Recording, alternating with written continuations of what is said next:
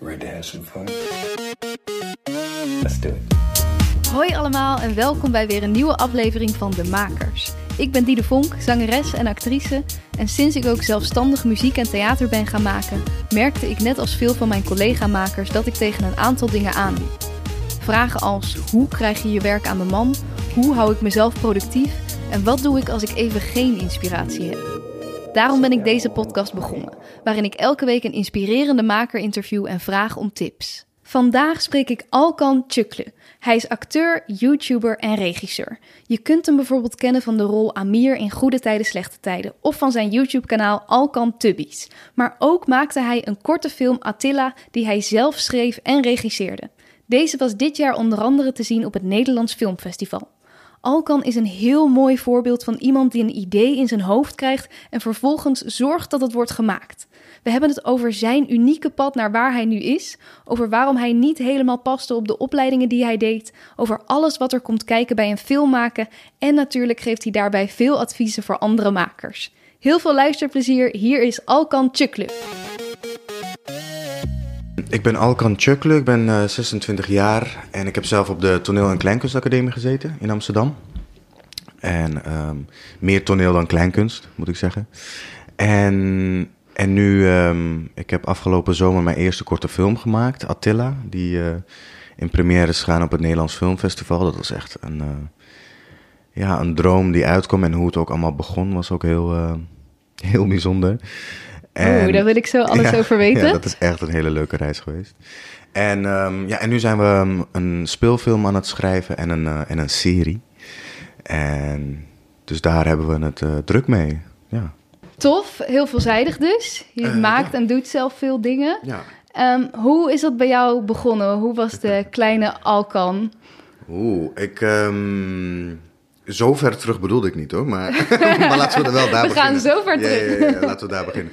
Um, nou, ik was eigenlijk mijn hele leven lang, ik ben zelf, um, um, uh, maar beide ouders zijn Turks, dus ik heb heel veel, ja, heel veel niet meegekregen van kunst en cultuur. Dus ik wist ook heel, vrij weinig en het, en het kwam ook helemaal niet in voor. Maar elke keer als ik een voorstelling zag of een film of een serie, dacht ik, hé, hey, maar dit is wat ik wil gaan doen. En um, in groep 6 had je zo'n vriendenboekje. en uh, toen moesten we allemaal dingen opschrijven. En ik had dan in iemands vriendenboekje, broekje, niet in zijn broekje, nee, niet in zijn broekje, maar in zijn boekje opgeschreven um, dat ik heel graag een filmster wilde worden. Hmm. En dat had ik voor de rest aan helemaal niemand verteld. En uh, jaren later, echt, uh, nou dus twee jaar geleden, stuurde hij mij dat ene vriendenboekje was ik was, wat ik was vergeten. Huh. En toen stond dat erin. Toen dacht ik, oh ja, en toen kwamen al die herinneringen terug van momenten dat ik toen ik klein was en dacht, dit is wat ik wil gaan doen. Mm -hmm. En, uh, maar pas op mijn vijftiende toen, uh, um, toen kwam het een beetje in zicht. Toen heb ik mijn neef zien spelen um, in een uh, jongerentheatergezelschap. En uh, ik durfde er echt niet voor uit te komen dat ik het tof vond. Maar hij zei, doe een keer auditie. En waarom durfde je daar niet voor uit te komen? Was dat niet uh, cool? Of? Um, nou ja, ja, nou, ik, zat, um, ik, zat, ik zat op een hele gemengde school met uh, allemaal leerlingen die... Waar we ook geen les kregen in theater. Of we gingen één keer per jaar naar het, naar het theater, weet je wel.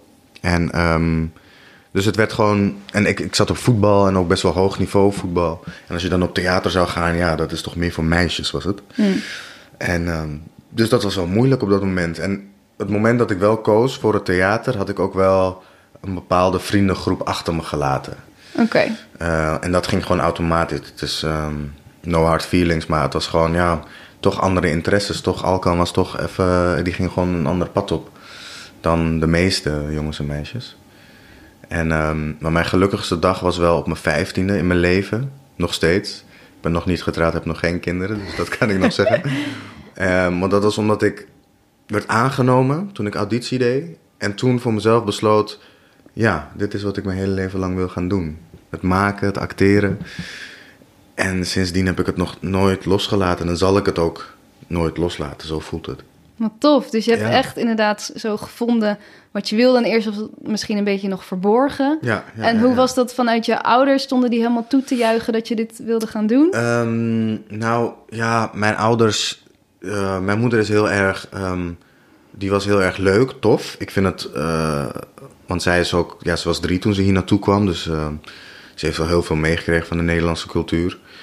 En, ehm, maar ze dacht wel van, ja, je moet daarnaast wel iets doen. Even een opleiding. Ja. Ehm, en dat heb ik ook geprobeerd. Drie weken heb ik ehm, media, informatie en communicatie gedaan bijvoorbeeld. Oké.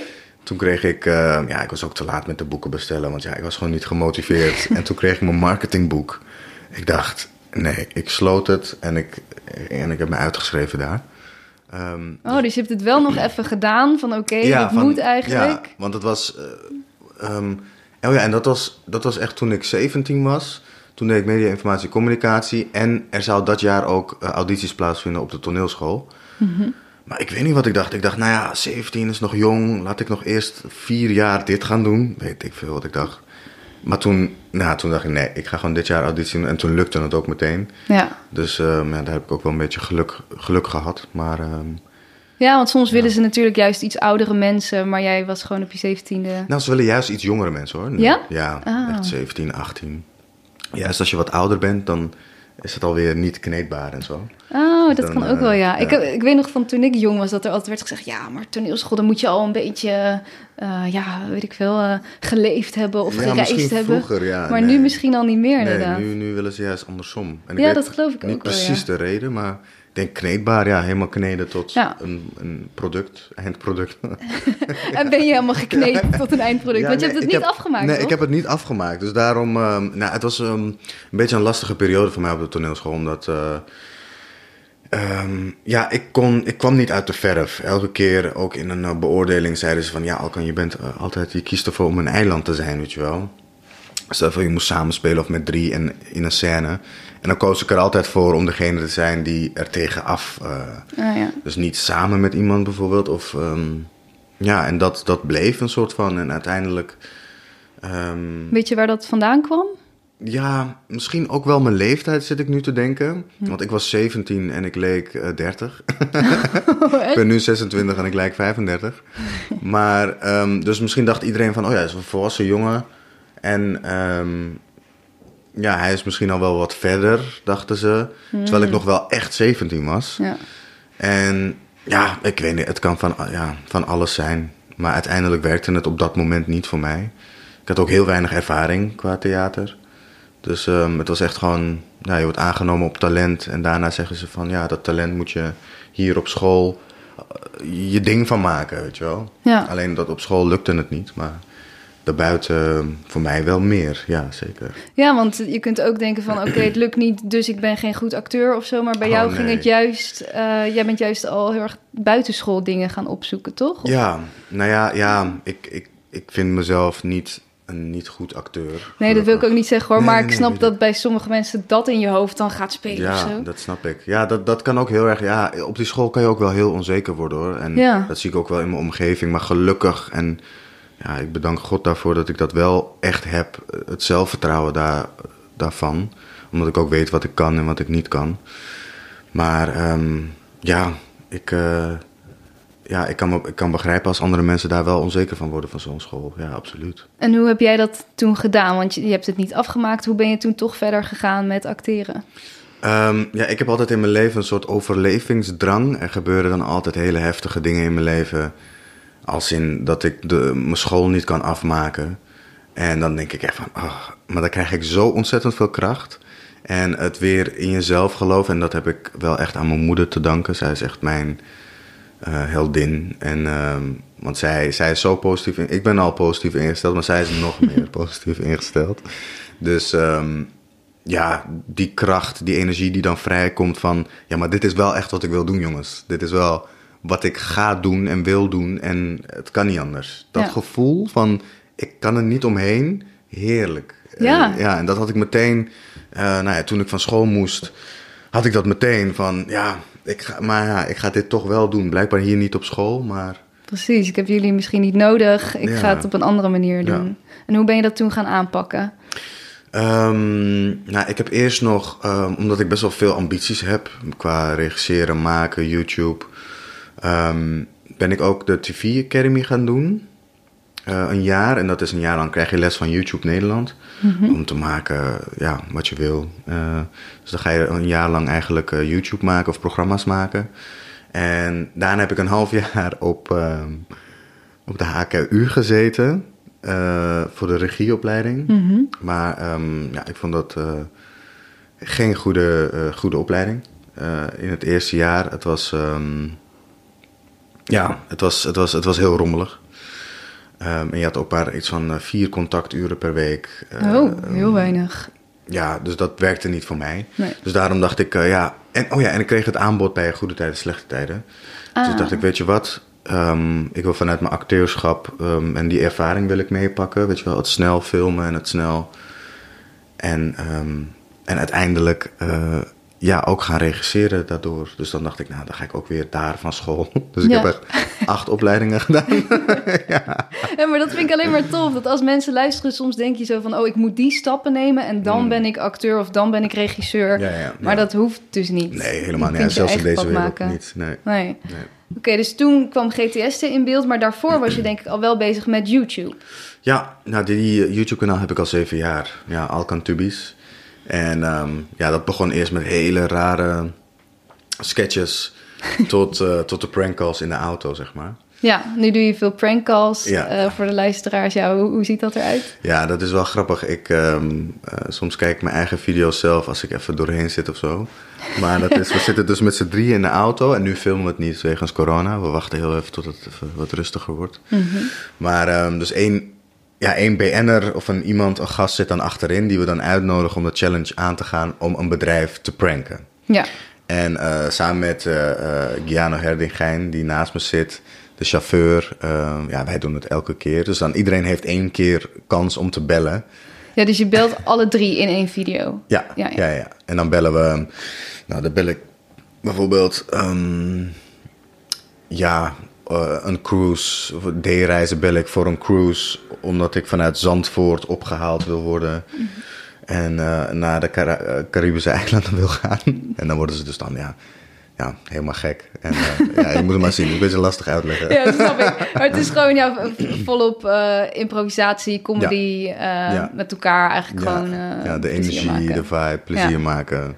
En wel de sympathie. Dat vind ik zo leuk om de sympathie wel te behouden. Dat is altijd. Want wanneer ga je de grens over, weet je wel? Ja, Maar dat zit hem ja ook. precies. Wanneer wordt het vervelend inderdaad? ja, precies. Nou ja, soms zitten we wel 30 minuten aan de lijn. En dan knip ik zeg maar 8 minuten eruit. 30 minuten aan Ja, de lijn. ja, en die mensen hangen niet ja, En op. die hangen niet op. Maar als ik 30 minuten zou laten zien aan de kijker, dan verlies je sympathie. Ja, ja. Dus dat is een beetje een stiekem met geheim wat ik nu heb verklapt. Maar eh, ja, zo, zo, ja. Dus bij bij die acht minuten denk je nog van, oh oké, Nou, acht minuten aan de lijn. En ze heeft gewoon goed opgehangen, weet je wel. Maar ze weten niet dat ik 30 minuten lang... Oh, wat grappig. Ja. Maar dus daar ben je, dat, dat is, was dat al toen je nog op de toneelschool zat, dat je daar al mee begonnen Ja, bent? ja, ja, dat was heel vroeg. Het is eigenlijk ook met, ehm, ja, elke keer als ik dan het heel druk had, bijvoorbeeld op de toneelschool, dus dat is dan twee jaar heb ik erop gezeten.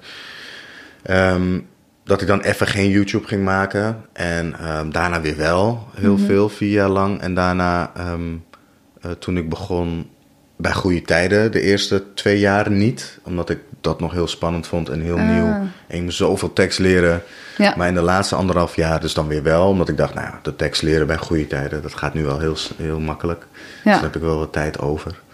Ah, je, zo ja. zo heb ik het een beetje ingedeeld. En nu bijvoorbeeld niet door, eh, door corona. Omdat Ja. we niet met z'n drie in de auto kunnen.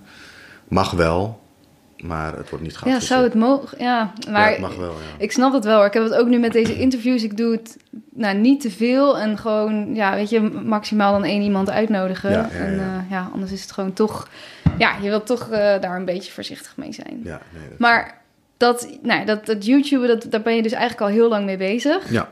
Waarom, waarom wilde je dat gaan doen? Ehm, YouTube, omdat ik vond... Ik, ik vond het zoiets tofs dat je eh, je eigen kanaal...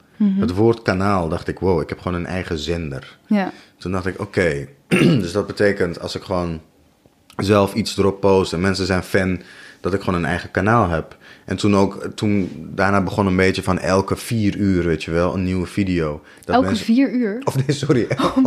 elke week om vier uur. Sorry, wauw. wow. Hey, je bent scherp. Heel goed. ik denk, oh mijn god. niet elke vier uur. Nee, nee, zoveel tijd heb ik niet. Ehm, nee, elke, elke week om vier uur. Ja, ja. Dus dat mensen ook dachten van, wauw, je kan gewoon...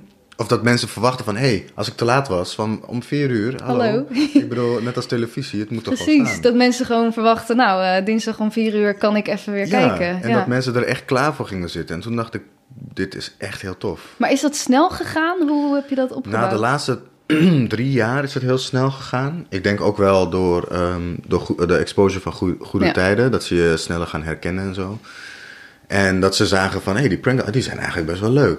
En ehm, nou, zodoende... ehm, ja, laatst hebben we de 1,2 miljoen views gehaald met een prank. Ja, heerlijk. Dat is echt een soort van eh, bevestiging. En eh, ja, mensen vinden het super leuk. Bijvoorbeeld nu dat ik ook niks post. Mhm. Mensen zeggen echt nu van, hé, hey, waar zijn de video's gebleven? Waar maar het? ze snappen niet. Want ja, eh, misschien krijg, kan ik er gezeik over krijgen als ik met z'n drieën in de auto zit. Het mag wel, maar het is toch niet helemaal verantwoord. Dus we wachten heel even. Ja, beter. En, Ja. ehm, en eh, hoe lang kan je dat blijven doen, denk je? Want blijft het leuk, elke keer die pranks? Mhm. Ja, Ja? ja. Het is elke keer, elke keer denk ik ook, ik heb denk ik Henk Vliegenbos is een personage. Die heb ik nu al iets van 170 keer gedaan. Wow. En, ehm, maar elke keer bellen we weer andere dingen en heeft hij gewoon andere problemen. En dat is het leuke. Ik bedoel, Ja. Het is een ongoing thing. Ja, en elke precies. keer is het weer anders, omdat degene anders reageert, of ik, of in de auto. Of, ja. Ja, tof hoor. En er doen ook echt hele toffe acteurs in mee. ja, klopt. Ja, ja. Iedereen die wil gewoon ja, meedoen met Ja. dat. Wat- denk je dat die aantrekkingskracht is? ja, ik vind het heel tof dat mensen, want eerst, de, toen we eerst begonnen, wa- was het echt van, hey, wil je meedoen, please? En eh, kan je echt een half uur max? ja, ja. en nu is het echt van, eh, ja, hey bro, je zou me nog, eh, of weet je wel. ik zeg van, ja, ja, je staat echt op de lijst. Seizoen 5 komt eraan en dan sta je erop.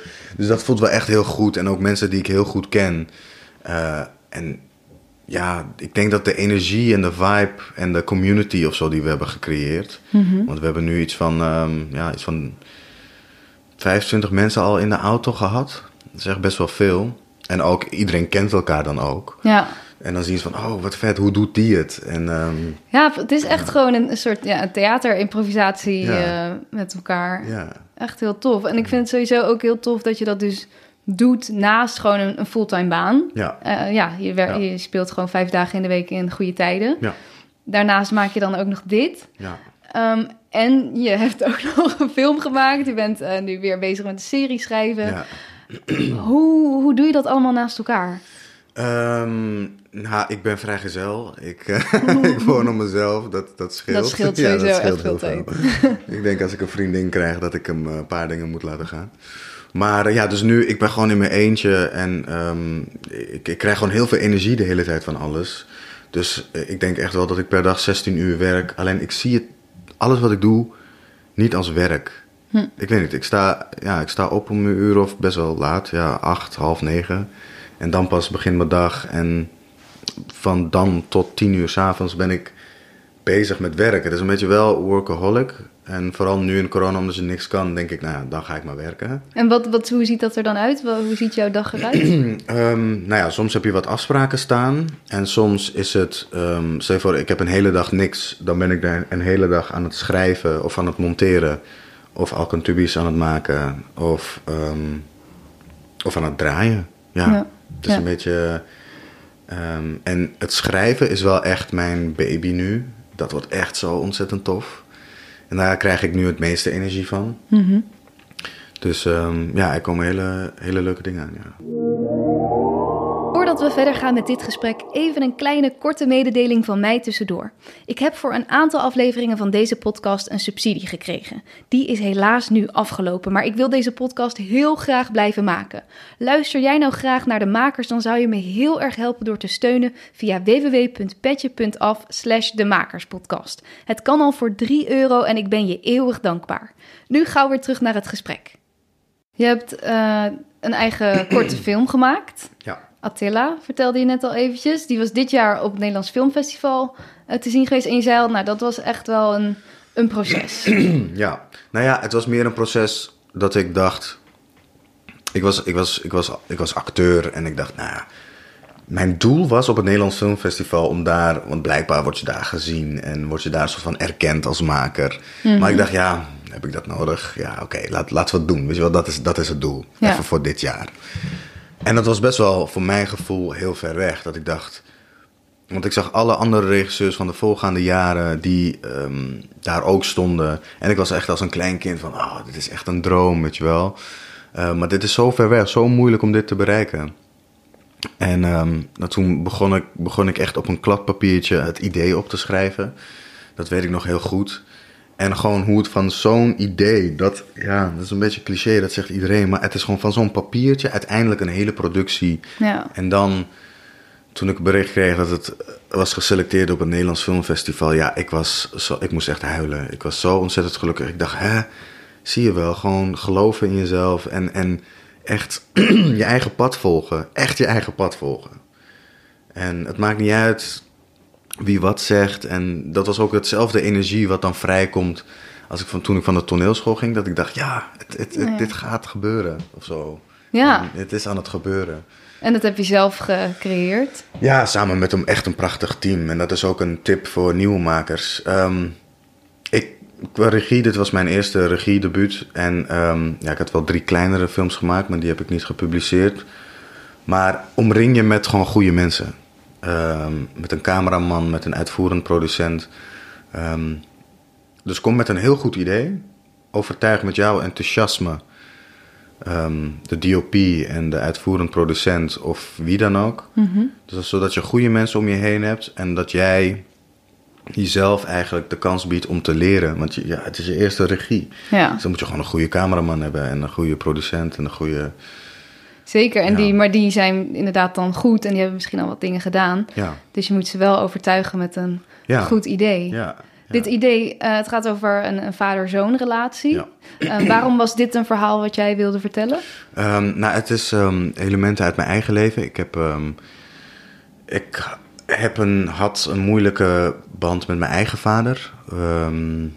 Eh, ik heb een hele periode niet, niet kunnen zien. En, ehm, en het gaat eigenlijk deze film dan ook over de zoektocht, en dus ook in mijn eigen leven, zoektocht terug naar je vader. Dus eh, hoe kan je weer verbinden met je vader? En deze film gaat over een jongen die zelf vader wordt. Ehm, en dat wil hij gaan vertellen aan zijn eigen vader. Ja. En op het moment dat hij het ehm, wil gaan vertellen, vraagt zijn eigen vader om geld. Wat hij altijd heeft gedaan. Dus dat hij in problemen zit. En eh, nou, dat schuurt de hele tijd. Hij wil hem wel helpen, maar ook weer niet. En ook weer niet voor zorgen, wel voor zorgen. Ja, En eh, ja, eigenlijk die, het terugvinden van je eigen vader, daar gaat het over. Ja. ja. En hoe dat moet en of niet moet, niet kan, kan dat wel. En hoe was dat om dan die parallellen met je eigen leven te hebben? Hoe scheid je dat dan van elkaar? nou, ik denk ehm, op de set was het echt, kon ik gelukkig kijken van oké, dit is fictie en dit is gewoon een, en het is ook een heel ander verhaal, want ik word zelf geen vader, maar, ehm, maar dat kon ik gelukkig op de set wel scheiden, want dan kijk ik ook heel technisch en ook naar spel. En, maar op, op een gegeven moment als het af is, dat ik dan kijk van oh wauw, ja, ik snap dit, ik snap zijn worsteling, dat herken ik. Ja. tuurlijk, want ja. Ik snap zijn worsteling, dat hij dat dan moet vertellen. En dat hij een soort van erkenning van zijn vader wil, maar net niet krijgt. Mhm. En dat die vader het wel wil geven, maar niet kan. Nou ja, dat, is- Ja. dat is drama. Ja. En heb jij je vader weer teruggevonden?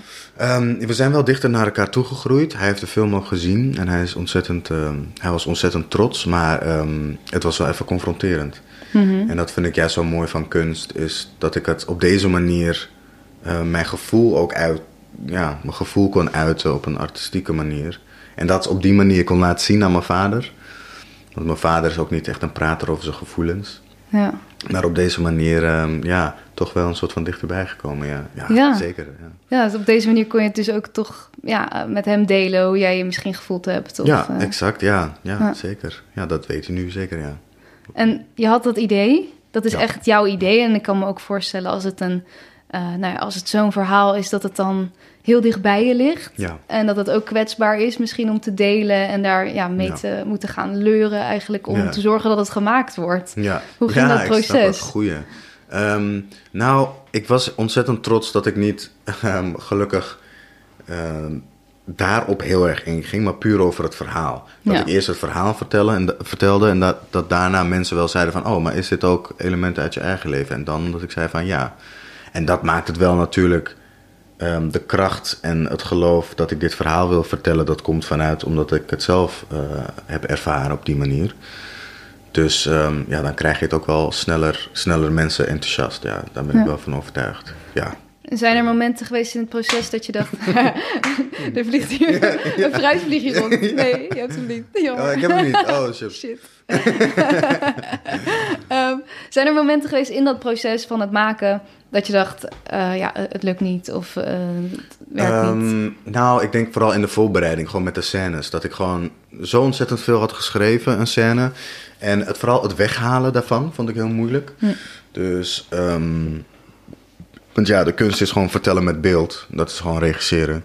En ehm, dus heel veel tekst weghalen, dat vond ik het moeilijkst.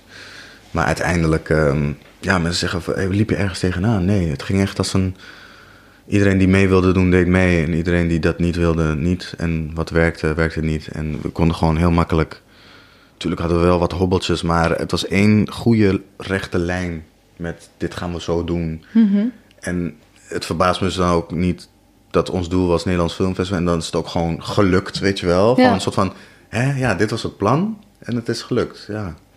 Ja, heerlijk. Ik heb nog nooit in mijn leven zo'n afgerond verhaal meegemaakt. Ah, ja. project. Nee. Precies, dat je begint met een doel Ja. in zicht. Toch? En, dat En, normaal eindigt toch altijd heel ergens anders. Precies, het is meestal nooit zoals je het kan plannen. Nee, maar Zo- nu is het, ja, dit was de planning, het is gelukt. En nu? Huh? Gewoon, oh, is er niks anders Oh, wat top. gegaan? Ja. En dus die mensen, jij hebt gewoon om je heen gekeken... wie vind ik vette cameramannen, Ja. wie wil ik erbij hebben... en die heb, ik, heb je erbij gevraagd. Ja, nou ja, ik begon eerst met een uitvoerend producent, Indra Baars. En dat was van ehm, eh, toen nog eh, eh, Goede Tijden. Zij was daar productieleider en is daar nu eh, weg. Oh, wat tof. Dus echt vanuit GTSC kende je haar. En, En zij zei van, nou, uitvoerend producent, dus dan, dat is geen productieleider, maar dan eentje hoger. Mhm. Dus dat wilde ze ook een keer doen. Toen dacht ik, nou, perfect. Iemand Ah. gemotiveerd en ook misschien nieuw voor je. Laten we dit doen. En toen, ehm, ja, toen, heeft ze, toen hebben we dat zo gevonden. En daarna hebben we een art director gevonden. En daarna heeft de art director een paar ehm, cameramannen gestuurd van web- websites. En toen heb ik gekeken. Toen zag ik Kevin Vidal. En eh, dat is ook een leuk verhaal. En toen heb ik met hem afgesproken. Ik zeg, hé, hey, ja, ik, ehm, ik wil een film maken. En het is eh, twee derde in het Turks. Zei hij, wat? In het Turks? Maar dus dat betekent dat er ook onderti- ondertiteling komt. Ik zeg, ja. Hij zegt, vet man. ik doe het. En hij had het zo, dat was voor hem zo'n... eh, zo druk. Ja. eh, Maar dat, toch voor hem was dat een, eh, ja... Ik weet niet, hij vond gewoon de hele energie... eh, dat is het ook, denk ik. Hoe jij dat verhaal vertelt Denk en het, daarin me- anderen mee kan nemen. ja. eh, dat, dat, dat, dat ze daarop aangaan of Ja, niet. ja. En dan met je mee willen. Maar dat is dus een heel team. Het zijn allemaal mensen bij elkaar. Ja. Eh, een film maken, het was een korte film, maar het is gewoon super duur. Ja. Hoe, Oh, ja. hoe, hoe krijg je dat geld bij elkaar? Ehm, nou, ik heb, ehm, ik heb eerst bij allemaal verschillende geprobeerd, maar dat duurde ontzettend lang. En ik weet niet, ik had het gevoel van, ik wil het zo snel mogelijk... Verschillende fondsen? Verschillende fondsen, ja, maar dat duurde heel lang om dan eh, in te dienen. Toen dacht ik, hé, maar ik wil deze augustus wil ik al gaan draaien. Dat was echt zes maanden later. En ehm, toen dacht ik, oké, het moet sneller. En, ehm, want ik wil het gewoon gemaakt hebben. Toen dacht ik, AFK. Toen heb ik daar ehm 20.000 aangevraagd. En toen zei ze, tof idee. Maar het script is nog... mwah. Vond ik zelf ook. Maar ik dacht, ah, ik moet het even sturen. En ja, wie Ja, weet. goed. ja. Maar toen hebben ze de, de helft gegeven. 10.000. Kijk, nou, toch al wel lekker. Ja, zeker. Ze nou, kijk eens helft, probeer maar. En ehm, toen ehm, heb ik gesproken met het Poldertheater, waar ik ook zelf één keer in de week les geef, theaterlessen. En die zeiden ook van, wij willen deze film, nu al. ik Oh, zeg, oké. En eh, nou, toen kwam er een potje vrij bij gemeente Amsterdam, omdat het ook educatief gebruikt zou worden. Daar hadden we ook dus dan eh, een bijdrage 10.000 van gekregen. En, ehm en wat er nog privé-investeerders, iets van 6.000 euro. Dus hadden we 26.000 euro voor 13 minuten film. Ja, normaal krijg je, is het dubbele, zeg maar. Dus mensen deden het echt voor de helft van hun eh, gage. En dat kan je denk ik maar één keer doen. Ja, Eh, en dan moet je gewoon, ja, gewoon geld hebben. Ja. Je dagprijs. en natuurlijk, korte film is wat minder. ehm, kan je wat minder voor vragen dan echt een eh, commerciële, commercieel iets. Maar dit was wel echt de helft, zeg maar, van iemands dagprijs. Ja, maar zo moet het ook wel gaan, denk ik soms. Inderdaad, het is je eerste regie, je eerste, ja, je eerste echte debuut dan, zeg maar. En ja, Ja. dat, dat, dat is ook gewoon soms zo. Als mensen erin geloven, dan willen ze dat gewoon maken. En Ja. dan, dan kan dat Ja, op de een of andere manier. ja. Tof, heel tof om te horen dat dat zo ja, voorspoedig eigenlijk ook wel gelopen is. ja ik ben heel blij. Ja, snap ik. En nou, dat heeft dus nu op eh, het Nederlands Filmfestival gestaan. Kunnen we dat ook zien ergens eigenlijk? Ehm, Attila, Attila, Attila. Wat gaat daarmee gebeuren? Ja, we willen de internationale première op, op de Ber, Berlinale doen. Moet wel goed uitspreken. Eh, dus dat is in Berlijn. Maar dat is ehm, ja, begin volgend jaar pas. En daarna, ja, ik weet niet, ik ga het misschien even laten zien aan Videoland. Of, of Ja, aan ja. eh, een omroep die het misschien eh, een tijdslot heeft, 13 minuten. Moet je hem op kunnen. uitzending gemist of Videoland gewoon kan kijken. Ehm, maar dat is als laatst, denk ik. Ja. Dat is eh, eerst even alle festivals langs. Mhm. En ehm, hij is nu ook ges- geselecteerd in, eh in het drie na grootste festival in Turkije. En dat is- Drie na grootste. Zeg je dat goed? Wat zeg, je? Wat zeg, ik? Drie na- zeg jij het eens? Gewoon een tof festival. gewoon een heel tof festival. En, oh, maar dat eh, is slim natuurlijk ook, omdat het ja. ook dus eh, voor twee derde in Turks is. Ja, precies. Ja. Dus dan probeer ik ook... eh, ja, ik, we, maken dus ook nu een serie waar ik heel graag ook internationaal zou willen casten. Vet. Dat is gewoon Turkse acteurs in Turkije. Mhm. Die dan ehm, ja, een van de personages dan moet gaan spelen, vind ik. Ja, vertel even over waar je dan nu allemaal mee bezig bent. Ja, we zijn nu, ehm, ja, eh, ja, we zijn nu bezig met een, eh, een speelfilm die ik ook heb gepitcht op het Nederlands Filmfestival trouwens. Afgelopen jaar? ja, of, eh, afgelopen jaar. Ja, dat was, eh, dus mijn première was zaterdag en maandag had ik een pitch voor mijn speelfilm. Dus dat was echt tof. Spannend Ja. ook. Was En, dat ook een eh, idee waar je al langer mee liep? Ehm, ja, zeker. En dat gaat over een, ehm, een jonge pianist die er alles aan doet om zijn ehm, gokverslaafde vader te helpen. Dus hij probeert eigenlijk eh, carrière te maken, maar dat lukt hem niet omdat zijn vader eh, ehm, gokverslaafd is. En daar probeert hij dus ehm, ja, er alles aan te doen om, om hem te helpen. En het gaat vooral over de liefde tussen die vader en zoon. Maar dat het toch ja, een teken is van ja, volgens mij jongen moet je loslaten. En, ehm, ja, en dat is het moeilijkste wat er is. Zeker. En toch ook weer vader-zoon. Ja, zeker. Ja. Ja, dus ik zit sowieso nu in die vader-zoon thema's. Omdat ik ook vind dat er heel weinig over vader-zoon wordt gemaakt. En vooral ook, ehm, ehm, ja, ik ben zelf Turkse Nederlander, dus ook eh, weinig ja, mensen met een migratieachtergrond. Maar ook in Nederlandse films zie ik vaak dochter, dochter eh, moeder. Ah. Maar vader-zoon wordt vrij weinig verteld. Ja, inderdaad. Je ziet ook wel eens inderdaad vanuit de dochter die dan... eh, Ja. Dat het niet... Ja, dochter is wel echt hip, zeg maar, vanuit het perspectief dochter. Maar eh, ja, zoon, vader en hoe dat allemaal zit, die onderlinge relatie, dat wordt niet. Nee. En dat heb je dus gepitcht bij het filmfestival. Dat is eigenlijk best wel recent, een paar weken geleden nog Ja. maar. Maar daar ben je dus nu al mee bezig. Dus dat heeft de pitch gehaald. Ehm, nee, dat heeft ja, de pitch gehaald. Eh, heel veel mensen waren geïnteresseerd in de film. En eh, dus dan nu moet je. Ik had al een pitchdocument. Maar dan moet je dus zeg maar, op zo'n pitchdocument moet je het wat, ehm, ja, wat meer aanvullen. Zodat ze echt daarna kunnen zeggen: oké, we gaan dit doen. En daarvoor moet nog wel wat gebeuren. Maar eh, ja, ik heb wel een paar mailtjes gekregen van eh, stuur maar door, weet je wel. Leuk. Fijn. Ja, dus nu moet ik, als ik denk ik, oh ja, stuur maar door. eh, Een dus hele ik film als- opeens. Ja, een hele film moet ik opeens. Oké, we gaan het doen. Ehm, wat moet er allemaal in? Ja, dus dat is heel spannend. Ja, dat is ook weer voor het eerst dat ik een speelfilm pitch. Ja, en doe je dat dan op gevoel? Want je gaat het ook zelf schrijven dan. Ja. En of eh, heb je daar hulp bij? Nee, ik heb zeker wel hulp. Ik heb ehm, Willem Gerritsen. En dat is een, eh, die, hem heb ik ontmoet op de set van Smeres. Hij was de regisseur daar. Met hem ehm, schrijven we ook die serie. En deze film, hij heeft het, hij heeft het nu heel druk gehad op het moment. Dus ehm, alles wat ik schrijf, stuur ik hem dan op. En hij geeft dan een soort van feedback. Dus een soort van scriptcoach is hij. Ja. En we schrijven ook nog nu nog met anderen. En ik krijg ook scriptcoaching nu van eh, Thomas van der Ree. En Dus nee, ik doe niet op gevoel. Ik heb wel, ik weet wel hoe je het opbouwt, zeg maar, gelukkig. Ja, en ik heb wel ook wel dus weer hele goede mensen om me heen die mij Ja. daarin supporten. Eh, maar uiteindelijk moet je het natuurlijk zelf doen. Zij gaan het niet voor je schrijven. Dus ehm, ja, uiteindelijk zelf. Dus, maar ik hoop na de pitch dat iemand, een scriptschrijver, denkt van ja, dit vind ik een tof idee. Of dat we samen op zoek gaan. Ja. En dan ehm, echt het script gaan schrijven. Ja. En wat vind je zo leuk aan regisseren? Ehm, het, het proces daarvoor, dus dat je denkt, oké, dit is het idee. Ik zou het ook heel moeilijk vinden als schrijver alleen te schrijven. Ik vind dat heel bijzonder, omdat ik denk, oké, je hebt het geschreven, maar nu wil je, kan je het uit handen geven aan een regisseur. Dat vind ik heel knap. Ja.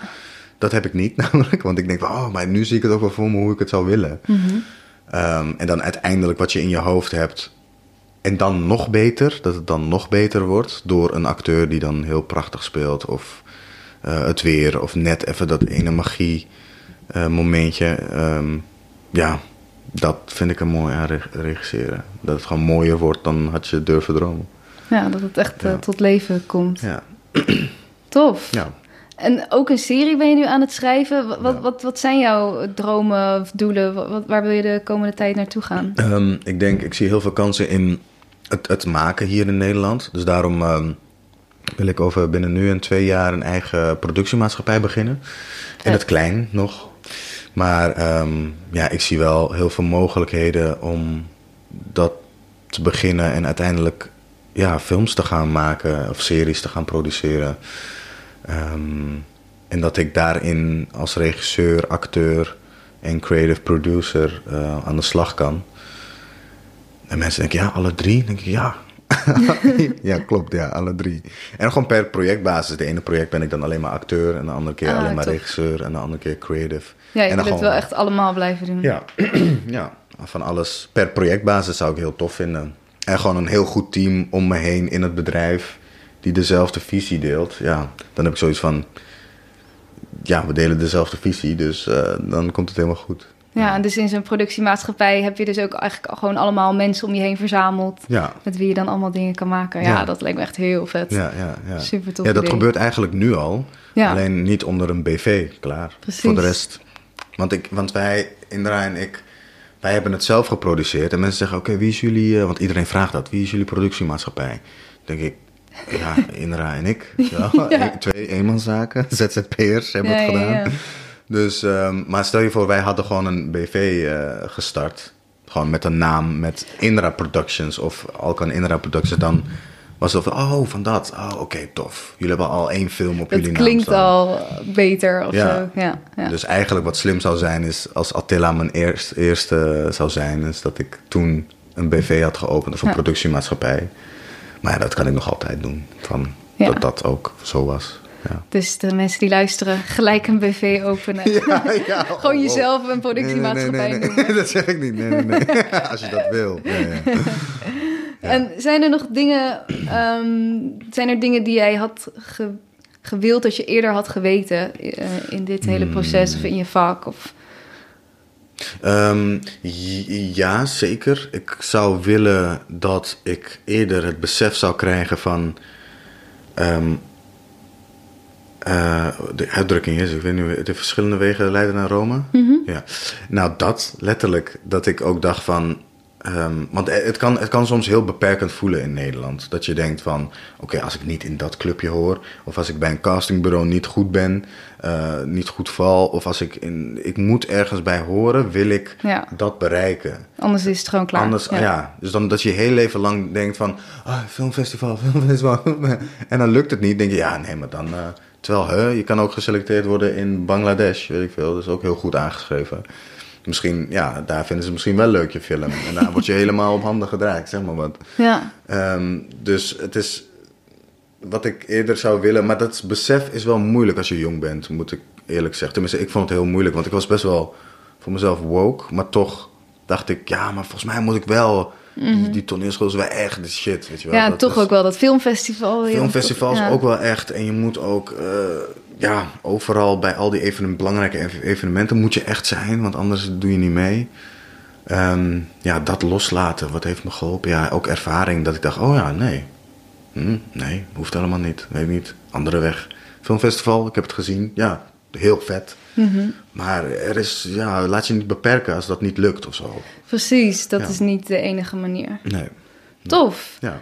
Heb je nog een laatste afsluitende eh, advies of tip? Eh, iets anders, je, je hebt al mooie dingen gezegd hoor. Maar... Ja, nou, ik zou misschien een eh, heel leuk, wat ik hou, hou van jezelf. Maar echt gewoon dat je soms denkt van, eh, durf, durf je in de spiegel te kijken en te zeggen, ik hou van jou. ja, maar het is, veel mensen vinden het heel ongemakkelijk, ik snap dat. Maar het, het, ja, het verrijkt je leven. Want ja.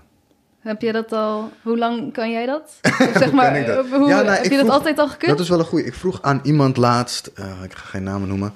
Hou jij van jezelf? En best wel eh, ja, iemand die ik heel goed ken. En ik dacht dat hij echt ja zou zeggen. Mhm. Maar hij zei nee. Ik zeg, hè? Gewoon niet. En hij nee. Ik zeg, "Huh? oké, dus je houdt gewoon niet van jezelf? Ik zeg, ja, ja, nou, nou, nee, dat zou ik niet. Nee. Toen denk ik, wauw, oké, ja, dat, ja, dat kan. Maar dat het zo stellig en zo eruit kwam. Terwijl ik dat bijvoorbeeld wel doe.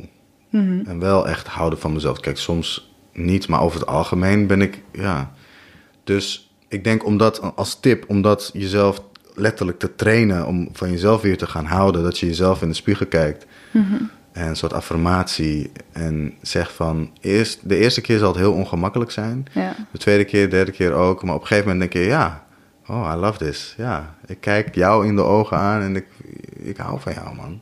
Ja, en dat je dat echt meent. Ik vind dat echt een goeie. Want ook, misschien denken mensen niet van ja, maar dan ga ik dat zeggen en dan meen ik het helemaal niet. Maar je moet het eigenlijk Nee, gewoon een paar keer zeggen. Ja, gewoon blijven zeggen. En waar ben je bang voor? Dat je denkt van, oh, raar. Terwijl, stel wat, wat kan het ergste je overkomen? dat je wel van jezelf houdt? Nou, prima toch? Ja. Want je bent er dan toch misschien niet van, ja, nee, maar ik vind het gek. Ik vind, ja, oké. Dus het ergste wat je kan overkomen is dat je van jezelf houdt. Nou, heerlijk. En wat heeft het jou gebracht, dit, dit tegen jezelf zeggen? Ehm, ja, innerlijk geluk. Puur. Dat ik echt ehm, ja, op dit moment heel gelukkig ben in mijn leven. En met mezelf. Met alle, en eh, vergis je niet, met alle gebreken die ik ook heb. Dus het is niet zo dat ik, eh, weet je wel, al, dat ik alles kan of zo. Maar het is gewoon, ja, happy met al mijn gebreken en al mijn kunden. Vet. Ja. Ja. Mooi, mooie afsluiter Ja, vind toch? ik. Ja, dat dacht ik ook. Hey, dankjewel. ja, Eh, waar kunnen mensen jou vinden? Eh, Eh Alkan Tubies, alles. Instagram, Alkan Tubies, YouTube, Alkan Tubies, Facebook, Alkan Tubies. nice, dankjewel. You're welcome. Dat was hem. Heel veel dank voor het luisteren en Alkan heel erg bedankt voor je aanwezigheid en het leuke gesprek. Hier mijn takeaways van dit gesprek. 1. Je ziet alleen het succes en niet wat er aan vooraf gegaan is. Alkan heeft ook best wel gezocht in wat hij nou precies wilde qua opleiding, welke richting hij op wilde gaan en hoe hij daar moest komen. Dus laat je niet leiden door wat je misschien op sociale media ziet bij andere makers. Iedereen deelt natuurlijk vooral zijn successen. Het harde werken, de tegenslagen, die horen er gewoon bij. 2. Gebruik deze tegenslagen als je kracht. Toen hij niet goed uit de verf kwam op de toneelschool, had hij kunnen denken: het is niet gelukt, misschien moet ik er maar mee stoppen. Maar Alkan gebruikte het juist als vuur om andere manieren te zoeken waarop het hem wel ging lukken. 3. Omring jezelf met goede mensen. Wat je ook gaat doen, een film maken, muziek, een theaterstuk, zorg dat je goede mensen om je heen verzamelt. Want als iets duidelijk is bij zo'n groot project, is dat je het nooit allemaal alleen kunt doen. Je hebt anderen nodig. Zorg dat jij gelooft in jouw verhaal, dan zullen anderen dat ook doen en met je mee willen werken. 4. Stel, het lukt je niet om je film bij een bepaald festival te krijgen of je muziek bij een bepaald management. Dit betekent niet dat je het niet kan of dat jouw werk niet goed genoeg is. Kijk eens verder dan de standaard grote namen of evenementen. Misschien past jouw werk veel beter in een ander soort markt. Dat een paar mensen niet in jouw idee geloven betekent niet dat het niet goed is. Vind een partij die wel bij je past. 5. Hou van jezelf. Dit vond ik echt een heerlijk advies. Durf in de spiegel te kijken en te zeggen: Ik hou van jou. Hoe ongemakkelijk dit ook voelt. Ik ben heel benieuwd hoe jullie dit gaan vinden. Als je dit een interessant gesprek vond en je hebt er iets aan gehad, help je ons heel erg door de podcast te steunen via petje.af slash de makerspodcast. Daar vind je ook allemaal leuke extra filmpjes waarin mijn gasten hun grootste lessen, beste adviezen en inspiratiebronnen delen. Tot volgende week. Vond je dit een leuk gesprek? Abonneer je dan op de podcast en volg de Makers Podcast op Facebook en Instagram. Delen en reviewen is heel erg fijn en laat het me vooral weten als je nog gasten of vragen hebt die je graag wilt horen. Volgende week staat er weer een hele bijzondere, inspirerende gast voor je klaar. Deze podcast werd gemaakt door mij, Diede Vonk, en de muziek is van David Zwarts.